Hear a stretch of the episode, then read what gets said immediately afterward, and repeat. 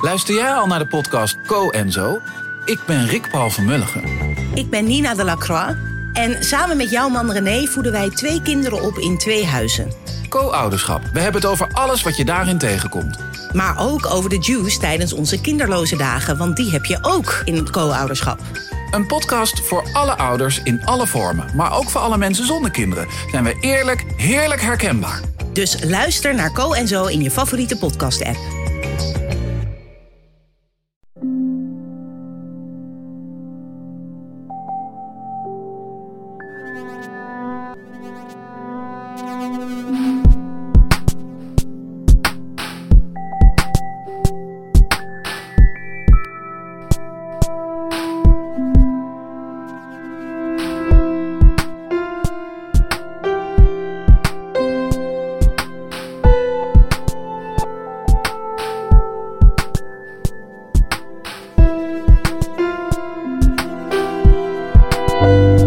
Welkom bij Relaas, waarbij een mens zoals jij en ik een verhaal vertelt over iets wat hij zelf heeft meegemaakt.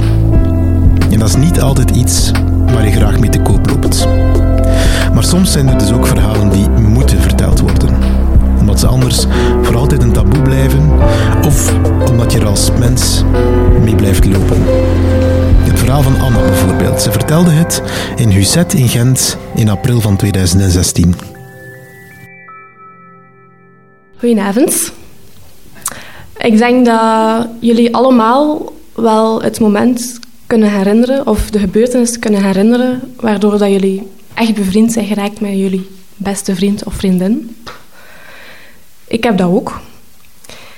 Ik was 15 en ik had mijn eerste serieuze vriendje, Bram.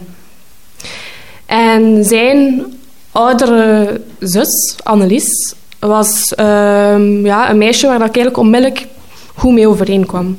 Dat klikte, wij deden ook dingen samen. Dat was echt tof om haar als schoonzus te hebben. Ehm, kort, ja, ik denk een half jaar ongeveer, nadat Bram en ik samen waren, kreeg zij ook een nieuwe vriend, Maarten. En eh, Maarten was ook een gast waar ik wel mee overeenkwam, maar het was nu niet voor te zeggen dat we echt vrienden waren. Dat we dingen samen deden, maar ik kon hem wel appreciëren. Ehm, op een dag, Bram was een fervente gamer en hij had een Wii gekocht. Ik denk dat je dat allemaal wel kennen, een Wii. Ehm, en ik, uh, ik bleef bij Bram slapen en ik wou zijn Wii wel een keer uittesten. Um, zijn Wii, hè. dus ik begin te spelen. Ik moest uh, Darth Vader verslaan. Dus ik ben aan het vechten. Ik ging daar zodanig in op dat Bram dacht van oké, ik ben hier de kamer uit. Um, dus ik ben te vechten, blijf doorvechten. Dat lukte maar niet. En op een bepaald moment komt Maarten de kamer binnen.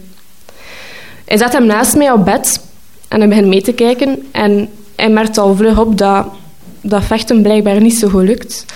Dus hij zegt tegen mij, moet ik meehelpen? Ik blijf hem doorvechten. Ik dacht, ik moet hem echt verslaan.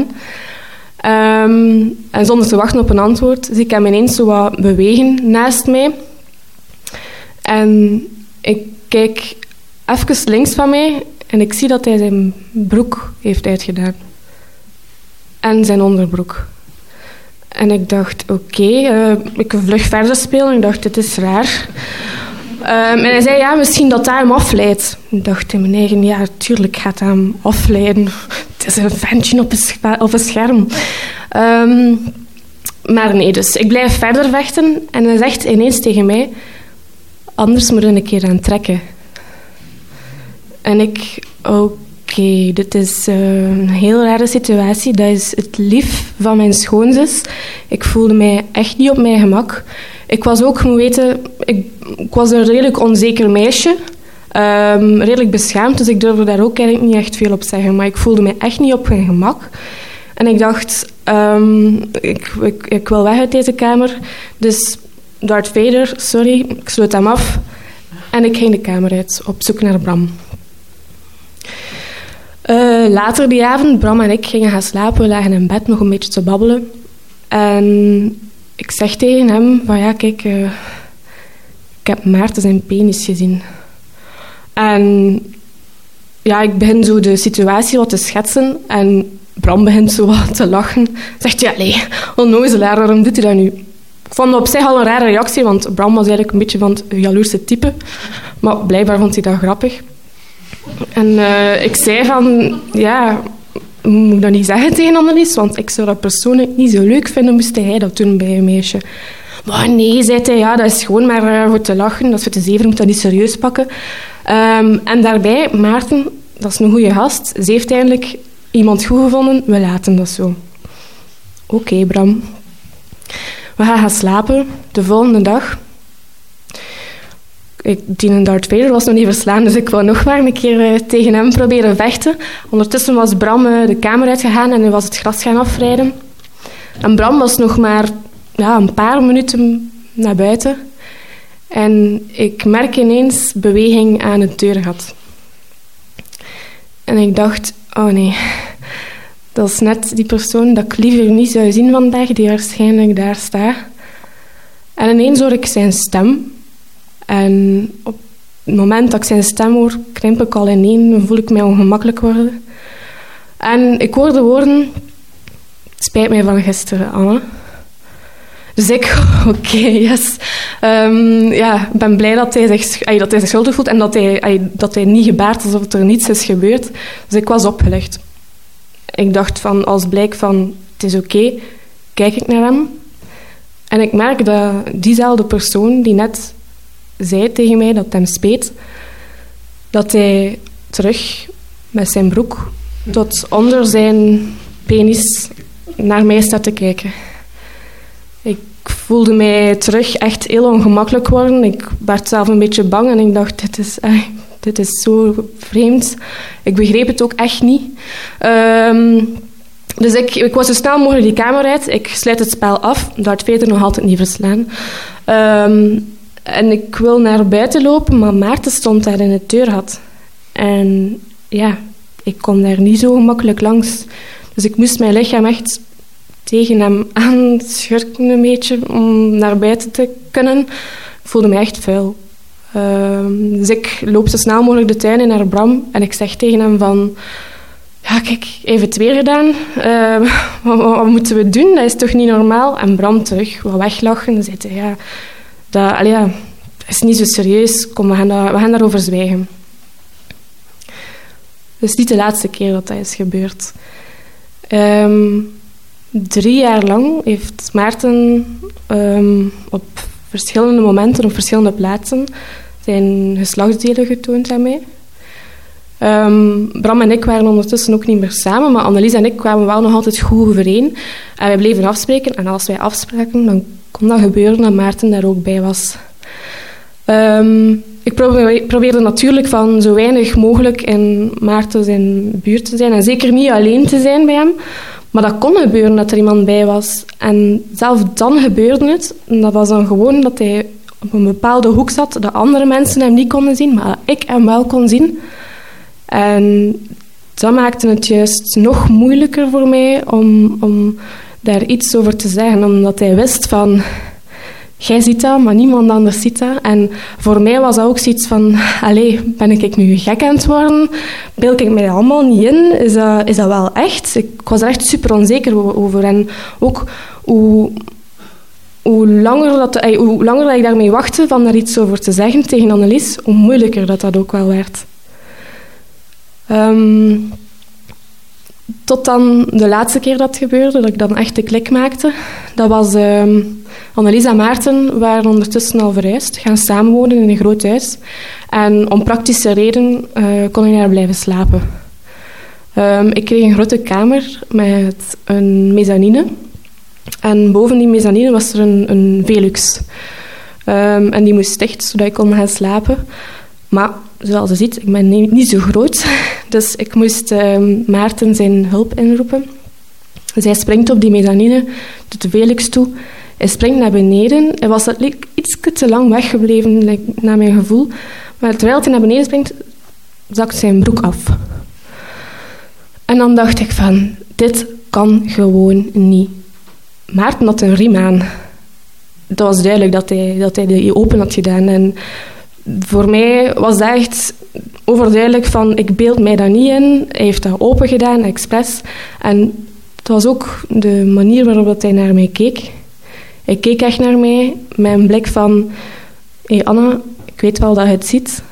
Ehm, ik weet ook dat je hierover nooit iets zou durven zeggen tegen iemand anders of tegen Annelies. Want ik doe het nu al drie jaar. Die stond mij eigenlijk, naar mijn gevoel, een beetje van op een afstandje te verkrachten. Ik moest naar hem kijken en ik voelde die macht over mij. Ehm, die nacht heb ik uh, wakker gelegen en zitten piekeren. En te denken van hoe kan ik dat nu... Ik, ik wou het echt niet meer, het was genoeg voor mij. Hoe kan ik dat aan Annelies vertellen? bovendien waren zij bezig met uh, een kindje te krijgen. Ze hadden over drie dagen een afspraak op fertiliteit, omdat ze niet zomaar konden, konden krijgen. Um, dus voor mij was dat nog een grote reden van... Ik wou echt niet dat Annelies zwanger zou zijn van iemand die ze eigenlijk maar half kent. Maar bon, ja, ik moest het zeggen voor mezelf. Um, en uh, de volgende ochtend uh, aan het ontbijt... Ze zag al dat ik een beetje zenuwachtig was. Um, ik begin langzaamaan een beetje verwarrend te vertellen over de vorige avond. En ik zie dat Annelies geschrokken kijkt naar mij. En ik vertel haar niet alleen van de vorige avond, maar van de afgelopen drie jaar. En ik was zo bang op voorhand dat ze mij niet ging geloven. Dat ze ging zeggen van ja, je liegt of dat ze jaloers ging zijn of zo. Maar die reactie die kwam er gelukkig niet. Ze geloofde mij. En ik was opgelucht dat ik het haar had kunnen vertellen. Maar ik was vooral ook opgelucht dat ze mij geloofde. En ja, als ik ja, er nu op terugdenk, is dat gesprek ook allee, vrij verwarrend gelopen. Maar uiteindelijk moest ik alles, moest, alles moest eruit en het was echt een waterval aan woorden. Um, maar bon. Um, ja, tussen Annelies en Maarten heeft het niet zo lang meer geduurd natuurlijk. Um, die hebben er wel mee geconfronteerd.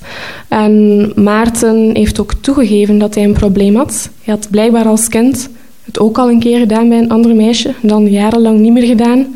En dan bij mij opnieuw wel. Um, dus hij, hij had toegegeven dat hij een probleem had. Dat hij echt de drang voelde om dat te doen. Um, en ja, nu ik ben blij dat ik het heb verteld. Um, en als ik nu verhalen hoor of dingen zie op het nieuws van mensen die seksueel misbruikt zijn of verkracht zijn, ik zeg niet dat dat hetzelfde is als van bij mij.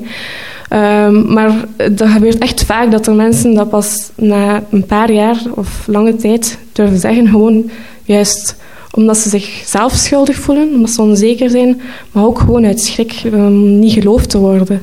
En ik begrijp dat echt wel. Achteraf gezien, um, enerzijds kijk ik terug naar die gebeurtenis met ja, een naar gevoel, maar eigenlijk ben ik ook wel dankbaar ergens, want het is juist die gebeurtenis dat ervoor gezorgd heeft dat Annelies zo dicht, eh, Annelies en ik zo dicht naar elkaar teruggegroeid zijn. Uh, we hebben veel aan elkaar gehad, uh, juist omdat we allebei slachtoffer waren van eenzelfde persoon. Maar met dat verschil dat we er allebei een andere rol in speelden.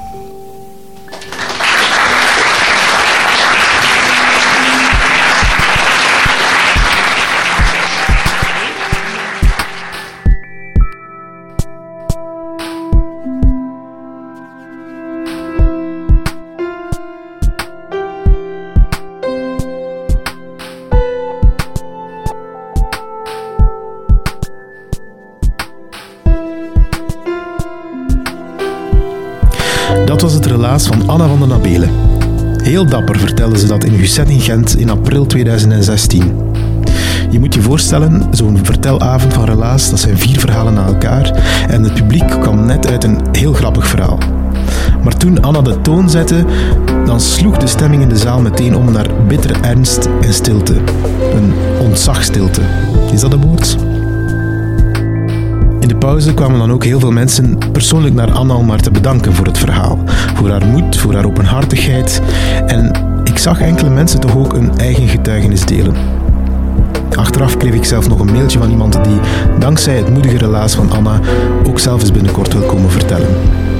Dat is de kracht van storytelling. Heb je zelf een herkenbaar of misschien een bijzonder verhaal, intiem of niet, maakt niet uit. Wil je iemand tippen die een goed verhaal heeft? Of wil je er graag zelf eens live bij zijn als de verhalen verteld worden? Surf dan naar www.relaas.be en je komt alles te weten over wie wij zijn, over onze vertelavonden en over de podcast. Je kan ook alle andere verhalen herbeluisteren of een partnership met ons aangaan. Relaas is er dankzij Stad Gent.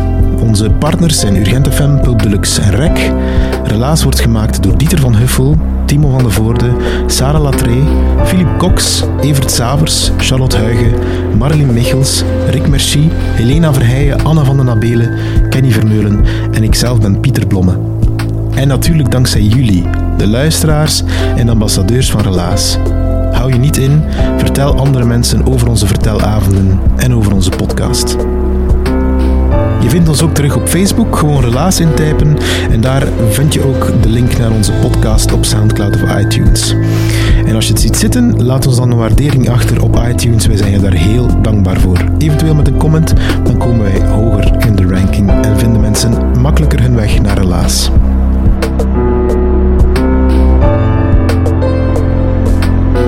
Bedankt om te luisteren